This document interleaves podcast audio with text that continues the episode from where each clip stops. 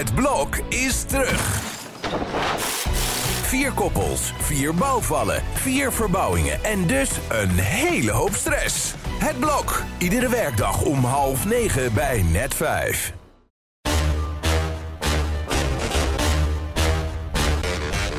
Dit is Strik Privé. De dagelijkse showbiz-update met Jan Uriot en Jordi Versteegde. Aflevering 2 van de zomereditie van deze podcast. In afwezigheid van eh, zeer gewaardeerde collega Evert Santegoed. Zit jij hier de komende twee weken, Jan? Ja, waar is de zomer? Een beetje regenachtig is het hè, op het ogenblik.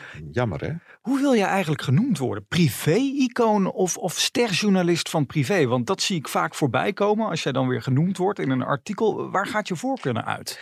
Ik noem mezelf graag showbiz-kenner. Want Kenner. showbiz-deskundige, dat eh, doet voorkomen of je ergens voor gestudeerd hebt, deskundig. Oh. Nou, deskundig ben ik niet. Ja. Maar ik ken wel een, eh, ik ken een dingetjes uit, uit de showbusiness. Dus Maar- showbiz-kenner vind ik goed. Maar stel mensen lezen dat en die hebben zoiets van ja, ik wil dat eigenlijk ook worden. Een, een privé-icoon of een, een showbiz-kenner. Heb jij nog een gouden tip? Ja, meteen solliciteren bij privé. We kunnen jonge mensen gebruiken. Heb je dan ook nog een tip voor een programma dat wat sfeer kan gebruiken? Waar het een beetje gezelliger mag worden? Bijvoorbeeld bij de Oranje Zomer gisteren? Ja, dat, dat, dat vind jij niks. Hè? Kijk, 700.000 mensen vonden het eigenlijk toch wel leuk blijkbaar. Want die hebben ernaar gekeken. Maar jij vindt het niks. Want in Nou het voorgesprek zeg je tegen mij van ik mis een blote piemel. Maar dat- Een dat- blote piemel? Heb ik dat ge- ja, nee. Oh ja, dat heb ik vanochtend heel vroeg al naar je geappt. Ik Leg mis een blote piemel. Maar dat had niks met dit programma te maken natuurlijk, Jan. Nee, je haalt twee dingen door, door, door elkaar. Nee, ja, gisteren, ik zat naar de Oranje Zomer te kijken. En ik moet je heel eerlijk zeggen, ik, ja, ik had nooit verwacht dat ik het zou zeggen. Maar ik mis iets, die twee saaie drollen van een Marcel en een Gijs. Ik mis een beetje het cynisme. Dat zijn we nu wel gewend bij SBS 6. Maar Maar nu wil je dus zeggen dus dat op dat tijdslot moeten ja, mensen met eh, nou ja, kijk, we zo'n hebben... toontje zitten. Dat hoeft toch niet? Ik bedoel, je moet, je, je- ik bedoel, ik vind die Helene Hendricks enig, een hele leuke vrouw. Zeker, vind ik ook. Zeer kunstkundig, inderdaad. Het gaat over sport, hè?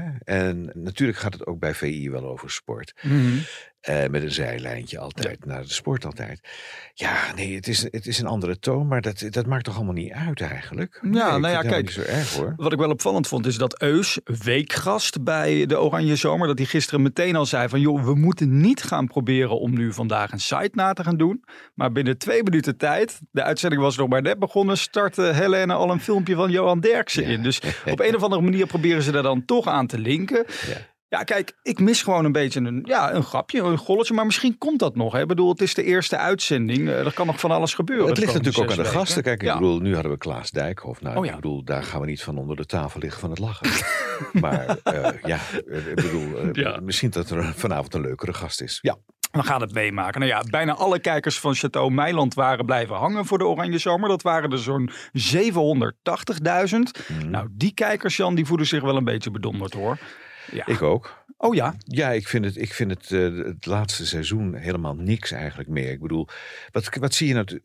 Het ging toch om Martien? Ja. Maar we zien steeds die gekke dochter inderdaad schreeuwen. welke? Maxime bedoel Maxime, je? ja. Die, die zit constant te schreeuwen. En, die, en, en dat eeuwige geroep om mama en papa. en dan denk ik van, hou dus... En op een gegeven moment weten ze niet meer van gekkigheid wat ze moeten doen. Want dan trekt ze de stekker uit de stofzuiger. En dan gaat Martien denken van, god, wie heeft nou... Dus, waar, waar is het stroom uitgevallen? Dat soort flauwekul. Dan hebben ze een hond hebben ze aangenomen. Die zit overal te poepen en te pissen. Heb je dat meegemaakt? Die, die, die, die Maxime, het nieuwe hond. Oh ja? Ja, oh, dat heb ik even gemist dan. Ja. Ja. ja, ik zit toch wel heel goed te kijken, te analyseren. Ja. Hummer heet hij. Hummer, oké. Ja. Ja. nou ja, eh, weet je, we hebben de hele, eh, het hele seizoen natuurlijk toegeleefd. 18 afleveringen lang naar de opening van, van Code Rosé. En gisteravond dacht ik, nou, het gaat eindelijk gebeuren. Maar we rempel, aan het einde van de uitzending kregen we dit te horen. Volgend seizoen in Chateau Meiland gaan de deuren van het pension eindelijk open. Nou ja, volgend seizoen, Jan. Het is een leuke cliffhanger. Leuk, Ja, leuk cliffhanger. Maar het is bedacht en het is. ja, maar het- we weten allemaal, we hebben allemaal in de privé al kunnen lezen dat het open is. We Ja. hebben de foto's gezien. Ik was erbij, hè? Ja, was er nog bij. We Ja. hebben de filmpjes gezien. Dan denk ik van, eh, de kijker is niet achterlijk natuurlijk. Nee. Over achterlijk gesproken, wou ik ook nog even iets zeggen. Oh, Erika doet de laatste tijd wel of Martien een beetje achterlijk is. Is dat zo? En dat is natuurlijk helemaal niet waar. Hij, hij, doet wel een beetje mallerig. Maar het is, het is, hij is niet, niet helemaal gek natuurlijk. Maar ze zegt dus constant van... als hij iets geschilderd heeft... dan gaat zij er daarna een half uur later met een kwassie nog overheen. Want hij doet het nooit goed. Oh. Ze zegt ook tegen die dochter van... hou je vader in de gaten, hè? Want Ja. eh, Hij heeft een burn-out. hij bijna. kan het allemaal niet aan, hè? Ja. Dan denk ik van, nou, Martien is niet helemaal gek, jongens. Even normaal doen. Waarvan akte op 28 augustus start alweer het eh, nieuwe seizoen. Dat is misschien wel wat eerder dan het normaal zou starten. Ik dacht nog, heeft dat dan misschien te maken met Massa Escassa, wat dan uit het schema even is gehaald, omdat Talpa dat onderzoek even wil afwachten naar hem. Zou dat kunnen, denk je? Het zou kunnen, ja. ja. Ja. Jij, jij, jij zit daar meer in dan ik. Oh, jij bent geen fan van Massa Escassa? Nee, maar, nee, maar inderdaad, nee, Ja. dat zou kunnen. ja, maar je bent er meer mee bezig geweest de laatste tijd. Ik kijk dat soort programma's graag. Maar die dingen die je net opzomde, dat nieuwe hondje en zo, dat, dat moet ik dan nog even terugkijken. Maar goed, ehm, ben je eigenlijk fan eh, van de nieuwe weg waarin André Hazes is ingeslagen? Nou, ik ben überhaupt nooit eh, eh, fan geweest van, van de hele Hazes-kliek, ook niet van die liedjes. Maar dat is een persoonlijke smaak. Ik bedoel, dat, dat kan natuurlijk. Ik bedoel, dat, dat, dat, dondert er niet toe. Waar hou jij dan van? Dat eh, gaat je even geen bal aan nu, want Oh, we hebben het nu over Hazes. Ja. Ehm, kijk, de man, eh, het, want daar wil je naartoe natuurlijk, dat Ja. er opeens weer die oude kliek, die eh, wordt weer opgezocht. Hè? Nou, dat gerucht gaat dat André inderdaad zou willen teruggrijpen naar dat oude team, omdat zijn nieuwe muziek niet aanslaat. Kijk, die Hazes, die junior, die is erg van de terugtrekkende bewegingen. Oh. Dat zie je natuurlijk ook met die, constant naar die ex terug. Maar wat, En- wat heeft dat met muziek te maken, Jan? Hij gaat dus nu ook weer terug Oh, zo, naar ja. het oude team. Ja, En dan denk ik van, e- eh, eerst deugde het allemaal niet, Ja. want het, eh, hij, hij wilde wat anders. En, en dan nu weer die kant uit. Het is een gerucht, hè? dus ik bedoel, we moeten dat nog niet echt met zekerheid zeggen. Maar ja. never change een winning team. Nou, wat ik wel opvallend vind, zometeen nog even de reactie trouwens van de manager van André op dit hele verhaal. Maar even wat ik opvallend vind is dat dat oude schrijversteam dan eerst in RTL Boulevard, in Shownews, heeft lopen klagen over het feit dat André hun zou verlaten. En nu in één keer gisteren, nu er een gerucht gaat dat hij eventueel terug zou willen naar dat oude team, staan ze weer hola de jola te roepen van kom maar, kom maar. Hebben ze dan in één keer geld nodig? Of wat, wat, wat, wat willen ze nou, dat team? Ik vind het zo'n soap aan het worden. Het is toch... Nou, niet alleen Ja. het team, maar ik- ze hebben elkaar toch, toch weer nodig, denk ik. Ja. En kijk, André is eh, zoekende geweest de laatste tijd natuurlijk. En hij komt toch terug op dit oude, oude systeem. Nou, prima toch? We gaan het afwachten, want het is natuurlijk niet gezegd dat deze mannen ook nog weer mooie hits kunnen maken natuurlijk. Nee, hè? Dat nee. weten we natuurlijk niet. Nou, de manager dan tot slot van André ontkent het hele verhaal. Die zegt, nou, er is helemaal niets aan de hand. Het gaat hartstikke goed. Dus, Altijd, hè? eh, Ja, dat Ja. kennen we. Ja.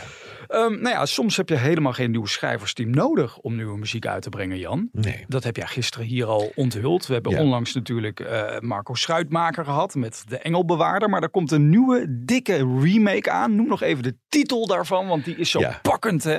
Klomp met een tijltje. eh zeiltje. Komt met een zeiltje, sorry. Ja, wat erg, hè? Nee, gisteren... Ja. eh, ja, ik, ik, ik kan nog even niks laten horen, tenminste van het nieuwe. Nou. Dat gaan we morgen doen. Oh, morgen. Ja, Morgen beloof ik dat we ik dat zet laten het in de agenda Ja. morgen, ja. Maar eh, gisteren zijn de opnamen geweest eh, in de buurt van Spakenburg op een botter. Ja. En daar staat een zeiltje op natuurlijk, anders, Ja. kan het, anders werkt het niet. En Ja. Wilma, dat is het bijzondere, ja. die, eh, die doet een soort eh, cameo. Weet je wat het is? Een cameo? Ja, Dat is een, dat je een, een, een, ja, iemand bent in de clip dan. Dat ja je te je, dat bent. je zelf speelt in een Ja, clipje. ja. Alfred Hitchcock is er ooit mee begonnen. Oh ja. En eh, die ken je ook nog wel. Hè? Ja, zeker Ja, ja, Jan. Nee, maar dat is, dat is wel grappig dat ze dat doet. Want eh, ze verleent dus gewoon volledig de medewerking. Krijgt er geen cent voor. Mm.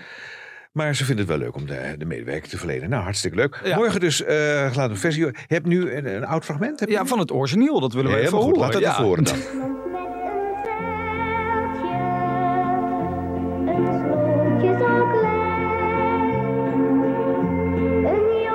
Ja, Heerlijk, hè? Ja. draai jij dit thuis? Want ik vroeg je net naar jouw favoriete artiest. Nou, ik zal, ik zal je bekennen dat ik ben vroeger... Want ik ben net zo oud als Wilma. ja. eh, ben ik echt verliefd geweest op Wilma. Ja, het, laat, Eh, laat- Zo, eh, nee, Jan, ja, het is echt een onthulling. maar je wordt toch geboren als, als zoals ik ben? Of als je begrijpt wat ik bedoel? Of vroeger was het allemaal anders? Het is, ik ben meteen naar de andere kant gevlogen, denk ik. Nou. Trouwens, we vergeten nu helemaal te noemen wie dan die re- remake gaat uitbrengen. Dat is Jari Helligers. Ja, Eh, daar gaan we morgen dus is meer een van nieuwe horen. ster aan het firmament. Oh Jan, ik kan niet wachten. Morgen om 12 uur, dan zijn we er weer. Tot dan.